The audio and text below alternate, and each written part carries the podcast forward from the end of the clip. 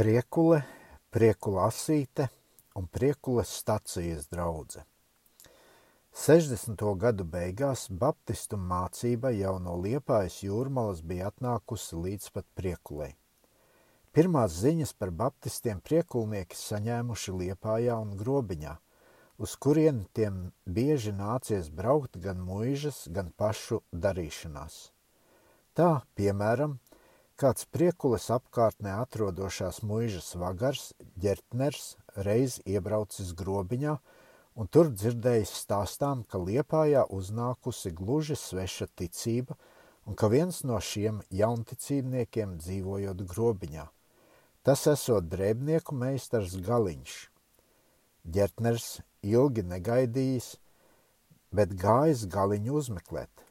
Sevišķi tam galiņa, patikuši galiņa bērni, jo tie vakaros un rītos jauki dziedājuši. Šīs bērnu dziesmas ģertnerim ļoti iepatikušās, un tas sevi, sevī nodomājis, ka baptisti nevarot būt tik ļauni, par kādiem tos dēvē. Tam līdzīgā kārtā viens no, un otrs no priekulniekiem būs nācis sakarā ar baptistiem, jo pirmie brāļi – kas no skatras atnāca uz priekuli evaņģēliju sludināt, jau šur tur sastapuši labprātīgus ļaudis, kam jaunā ticība nav bijuši gluži sveša. 1866. gadā aprīlī priekules brāžu mājās ieradās skatrnieks valsts Jaunģelšs, un tur noturēja pirmo sapulci priekulē. Klausītāju bijis īsti daudz – un to starpā gandrīz vai visi pagasta amatu vīri, vietējais muiškungs un mācītājs Esenbergs. Pēc dievvvārdiem notikušas dzīves sarunas par jauno ticību. Drīz pēc, drīz pēc jaunģelža priekuli apmeklējis kāds brālis iz Liepājas Bērziņš vārdā un noturējis dievvvārdu sapulces ģēģeru mājās. Priekulniekiem ļoti iepatikušies Bērziņa dievvvārdi, un tie to lūguši noturēt vēl otru sapulci, kura arī notikusi Jānaišu mājās un bijusi ļoti apmeklēta, nelūkojot uz to, ka notikusi darba dienā. Tanī pašā gadā lieldienu nedēļā priekulē ieradās katras draudzes loceklis Danelis un atrada tur plaši atvērtas durvis evaņģēlijam. Klusā nedēļā tas noturēja sapulces ķezēnu mājās, un uz pirmo lieldienu Daneli uzaicināja Jānaišu saimnieks noturēt dievvvārdus viņa mājās. Ļaudis jau no rīta sākuši pulcēties Jānaišos. Kad pienāca sapulces sākšanai noteiktais laiks, klausītāji bijis tik daudz, ka istaba tos nespējusi uzņemt un tāpēc pārgājuši uz Riju bet kad arī tā izrādīsies par mazu, tad no Rīgas pārgājuši uz kādu netālu no mājām atrodošos pakalnu, tā saukto Stutenu kalnu. Klausītāju bija saradies vairāk tūkstošu liels pūlis no visiem apkārtējiem pagastiem. Danelis savai runai par pamatu bija ņēmis Jesajas trešo nodaļu, kurā runāts par Ciānas meitas greznumu, viņas sprādzītēm, zvārgulīšiem, spieģelīšiem un svētku drēbēm, ka visi tikšot likti smieklā. Runa bija bijusi ļoti sirsnīga, un viegli kustināmie klausītāji jutušies tā ķerti, ka daudzas no sanākušām klausītājām, kas bija tērpušās tautiskos uzvalkos un izgraznojušās vainagiem, pie krūtīm piekārtiem spogulīšiem, izšūtiem krekliem, saktēm un tā tālāk, gājušas rijā un tur vilkušas nos savus izšūtos virskreklus, noņēmušas savas sprādzītes, spogulīšus un tos ieminušas dubļos. Vīri atkal daudzījuši kopā pīpju galvas, lauzījuši čibukus, jeb atkal svieduši pīpes tuvējā strautiņā. Sapulci ilgusi līdz vakaram un nākošo dienu atkal atjaunota, pie kam daudzi no klausītājiem, ka mājas bija tālāk, nakti pavadījuši Jānaišu Rijā. Nākošās dienas sapulce bija vēl lielāka. Arī vietējais mācītājs atbraucis uz sapulces vietu un no kāda paaugstinājuma, kas priekš tā bijis pagatavots, turējis atspēkošanas runu, bet tā maz ko panākusi. Klausītājs sirdis todien piederējušas atnācējam skatrniekam. Cik iespaida pilns arī nebūtu bijis runātais vārds, tomēr ņemot vērā dažas neveselīgas parādības priekulis un apkārtējās draudzēs vēlākā laikā, jāatzīst, ka toreiz runātā vārdā kas tā sakot ievadīja garīgo kustību visā apkārtnē, būs par daudz tapusi uzsvērta atgriešanās ārējā puse un aizmirsts tas prāts, kas izsacīts pravieša Joēlā otrajā nodaļā 13. pantā. Saplēsiet savas sirdis un ne savas drēbes. Šī vienpusība ievadīja atgrieztās dvēseles nevisai veselīgā virzienā – Vēl desmit gadus vēlāk starp priekules un apkārtnes ticīgajiem valdīja ieskati, ka valkāt krāgus, nesāt uz vienu pusi nosukātus matus, galvai drānu uzsiet citādi nekā tas vispār parasts, valkāt melnus pēc pilsiet, pilsētnieku vīzes pagatavotus uzvalkus, nesaietas ar pazemību, kurā ticīgajiem jāstaigā un tādēļ šās lietas atmetamas kā lepnības veicinātājas.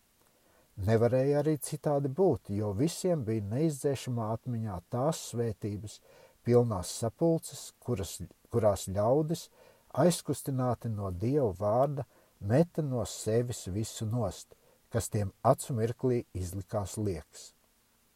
Pēc lielajām sapulcēm uz Stutenu kalna vairāko, vairākās mājās piedāvātas telpas dievvvārdiem, un tādi arī noturēti ķezēnu, priednieku, Adamu, Jānaišu un vēl dažās citās mājās, līdz galu galā sapulces galīgi nodibinājušās Jānaišos. Pirmie no priekulniekiem, kas caur kristību pievienoti draudzēji, bija divi jaunavas – Ieva Aucinieka un Ilze Deksne – Šīs abas māsas kristītas 1866. gada 17. maijā skatrē no Dinkša. Nākošās kristības notikušas tai pašā mēnesī, 17. dienā Tadaiķos, un tur arī kristīts vēlāk priekulis draudzes ilgadīgais priekšnieks, Jānaišu saimnieks Niklaus Klabes. Draudze vairojusies ļoti strauji tā kā 1866. gada beigās Priekulē jau skaitījās 54 kristītus, kristīti draudzes locekļi. No vajāšanām, kas pirmos laikos mēdza uzbrukt, priekules ticīgajie tikuši diezgan pasargāti, izņemot tos spaidus un vajāšanas, kas bijis jāpacieš dažiem nepieaugušiem jaunekļiem un jaunavam, draudzē nākot no savu piederīgo puses. Bet šādas lietas jau arī mūsu laikos nav nekas svešs. Tā piemēram, kāda jaunava Margrieta Zīverta, apmeklējot, dievvvārdus Jānaišu mājās, pārliecinājusies par kristības vajadzību, ja tā grib sekot savam pestītājam. To dabūjuši zināt arī vecāki, un žēlojušies vietējam dzimtskungam baronam Ropam, ka meitu nevarot atturēt no jaunās ticības. Barons piekodinājis vecākiem meitu cieši apsargāt, lai tā nevarētu tikties ar baptistiem, un, ja tas nelīdz, tad lietota varu. No barona iedrošināta māte savai meitai nogrozus, nogriezusi tās kuplos matus cerībā, ka pēdējā tagad kaunēsies apcepta ļaudīs rādīties – Arī barona pavēle, zīmējoties uz sargāšanu, tikusi rūpīgi ievērota. Jaunavai nakti gulējusi vienā pusē mātes māsa un otrā tās dēlēni. Reiz tomēr jaunavai izdevies nepamanītai māju atstāt un ieiet rudzos dievu pielūgt. Lūdzot tā dabūjusi drošību aut kājas un iet uz sapulces vietu. Jaunava to arī tūlīt darījusi un tanī pašā dienā uzņemta draudzē un drīz pēc tam kristīta. Kad tas baronam tapis zināms, tas Margrietu Zīvertu licis iz pagasta izraidīt, un stingri noteicis visiem saviem saimniekiem minēto jaunavu nezem kādiem apstākļiem nepieturēt, nedz darbā ņemt. Vecāki tomēr savu bērnu izslēpuši desmit dienas. Tad nejauši uznācis virsū pagasta tiesnesis. Visi baidījušies, ka nu par slēpšanu būs sots, bet iznācis gluži otrādi. Tiesnesis, kas pat labam bijis ar baronu strīdū, ieraudzījis slapstīdamos jaunavu, tai izrakstījis atļauju atstāt pagastu un doties uz pilsētu. Tas noticis kādā priekulis kaimiņu novadā. Pats priekulis kungs von Korfs piederēja pie valsts baznīcas un pret baptistiem izturējās, uz, izturējies ļoti laipni. Pirms miršanas tas pat izsacījis vēlēšanos, ka lai viņa zārkā, zārka nesēji būtu baptistu saimnieki. Baudot mieru no muižas puses, ticīgajiem bija jāsaņem sīvi uzbraucieni caur drukāto vārdu no vietējās garīdzniecības puses. 1866. gada beigās Rīgaše Caitung rakstīja par baptistu misionu priekulē un apkārtnē, ka tai nesot vien, vien reliģisks, bet arī politisks raksturs tā stipri vien atgādinot reformācijas laika reliģiskos murgotājus, minstariešus. Baptisti raugot sev piekritējus vervēt pat caur zemes piesolīšanu. Baptisms tik tur varot iespiesties, kur vēl agrāri jautājums nesot nokārtots, bet visur tam ieeja slēgta. Pret šādām nepareizībām mūsu brāļi priekulē nespēja aizstāvēties – jo to ieroci, ar kuru uz šī lauka bija jācīnās spalvu, zemes arāji neprata kustināt. Bet nepatiesos uzbrukums sekmīgi atsita Mēmelis draudzes priekšnieks Nīmets Luterāņu laikrakstā Noie Evang, Kirchenčeitung, kurš iznāca Vācijā. Pirmā draudzes stunda prieklas draudzē noturēta priednieku mājās – 17. jūlijā 1866. gadā Jēkaba Inķa vadībā. Par savu priekšnieku priekulis ticīgajo pulciņš izvēlējis katras sludinātāju dinkši, kam par palīgu tapa pievēlēts klabis. Līdz pat 1868. gada beigām draudzes vadīšana atrodās dinkša rokās, bet pēc tam pārgāja uz tā palīgu klabi. Pirmos divi gadus, gados sapulces notikušas zem ļoti trūcīgiem apstākļiem. Lai gan draudze bijusi labi paprāva, tomēr sapulces telpas trūcis, telpās trūcis pat beņķu, trūcis arī draudzējas svētā vakariņu trauki un kases draudzes naudai. Šis, šīs nepieciešamās lietas iegādātas 1868. gadā, kad draudzes savu sapulces vietu no Jānaišu mājām pārceļa, pārcēla uz Baubļiem, kur tā pastāvēja 16 gadus, līdz kamēr draudze uzcēla īpašu namu sapulcei, sapulcēm un skolai.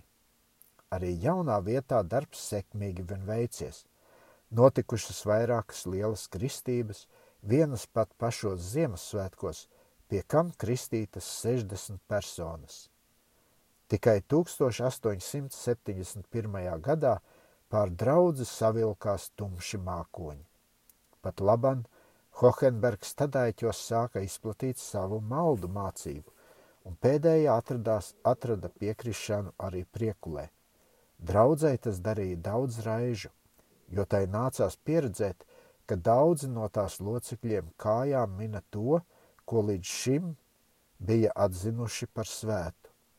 Līdz ar 1873. gadu Priekulas draudze palika par patstāvīgu, no skatras neatkarīgu, un divi gadi vēlāk tai pievienoja vēl tadaiķus, gramzdu un vēlāk arī emboti.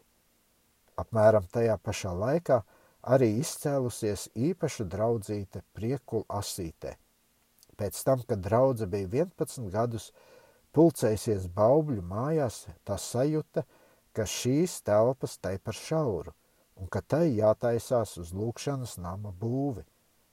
1879. gada oktobrī izvēlēta būves komiteja, bet jaunais nams ticis gatavs tikai 1884. gada rudenī. Divi gadus vēlāk draudze nolēma blakus savam lūkšanas namam uzcelt īpašu skolas namu, ko arī vienu gadu vēlāk izveda. Nedēļas skolas vajadzību draudzes sajūta drīz pēc savas nodibināšanās. Sarunājušies ar savu stacijas draugu Gramsdu, priekulnieki atrada par iespējamu turienes ģībiešu mājās ierīkot nedēļas skolu. Tas noticis ap 1870. gadu. Drīz šī skola izrādījusies par mazu, un draudze ierīkojusi vēl otru skolu Tadaiķu brūveros. Tur par skolotāju bijis jau pazīstamais ārzemnieks Hohenbergs. Tas saviem audzēkņiem mācījis tikai vācu valodu.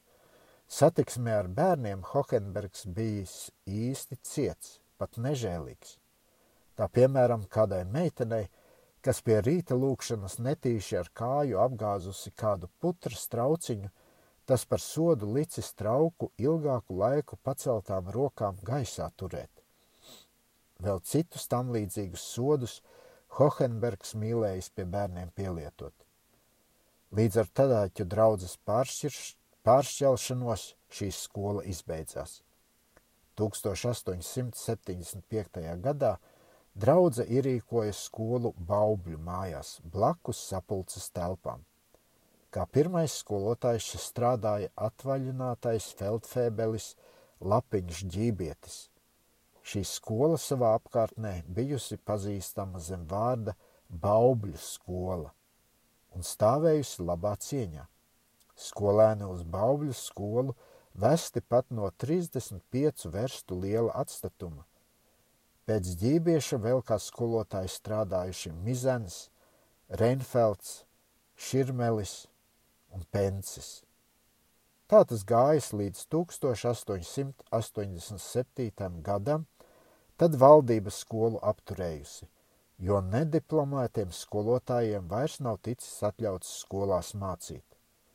Lai pārtraukto skolas darbību varētu turpināt, draudze sūtīja sava sludinātāja vecāko dēlu klabi uz Rīgu, tur sagatavoties skolotāja amatam, lai būtu tiesības apturēto skolas darbu turpināt. 1889. gada rudenī Arī Klabis kā pirmais diplomēts skolotājs iesāka strādāt Priekulas draudzes skolā un ir tās vadonis vēl tagad. 1895. gadā, kad Priekulas apkārtnē plosījās asins sērga, nāves augstā roka ar pieklauvēja pie vairāku draudzes locekļu durvīm un prasījus, prasīja savus upurus. Sērga plosījusies tādos apmēros, ka pat lūkšanas namu vajadzēja slēgt uz četrām nedēļām. Nākošā gada pavasarī beidza darboties draudzes ilgadējais priekšnieks Niklaus Klabis. Viņš nomira 5. martā 1896. gadā. Aizgājējs bija plaši pazīstams savā apkārtnē, un draudzes sākuma laikos arī dabūjis evaņģēliju labā vairākas reizes sēdēt cietumā. Pēc Niklāva Klābja nāves draudzes priekšnieka pienākumus uzņēmās Tadaiķu draudzes sludinātājs Dienaus, un draudzes vadīšana viņa rokās atrodas vēl tagad. Pēdējos gados pulciņš priekulas dzel, dzelzceļa stacijas tūmā dzīvojušo locekļu nodibināja īpašu draudzi, tādēļ, ka priekulas stacijas miestiņā ir diezgan liela ļaužu kustība. Šī draudzīte saucas par priekules stacijas draudzi un jau pagūsi sev uzcelt glītu lūkšanas namu.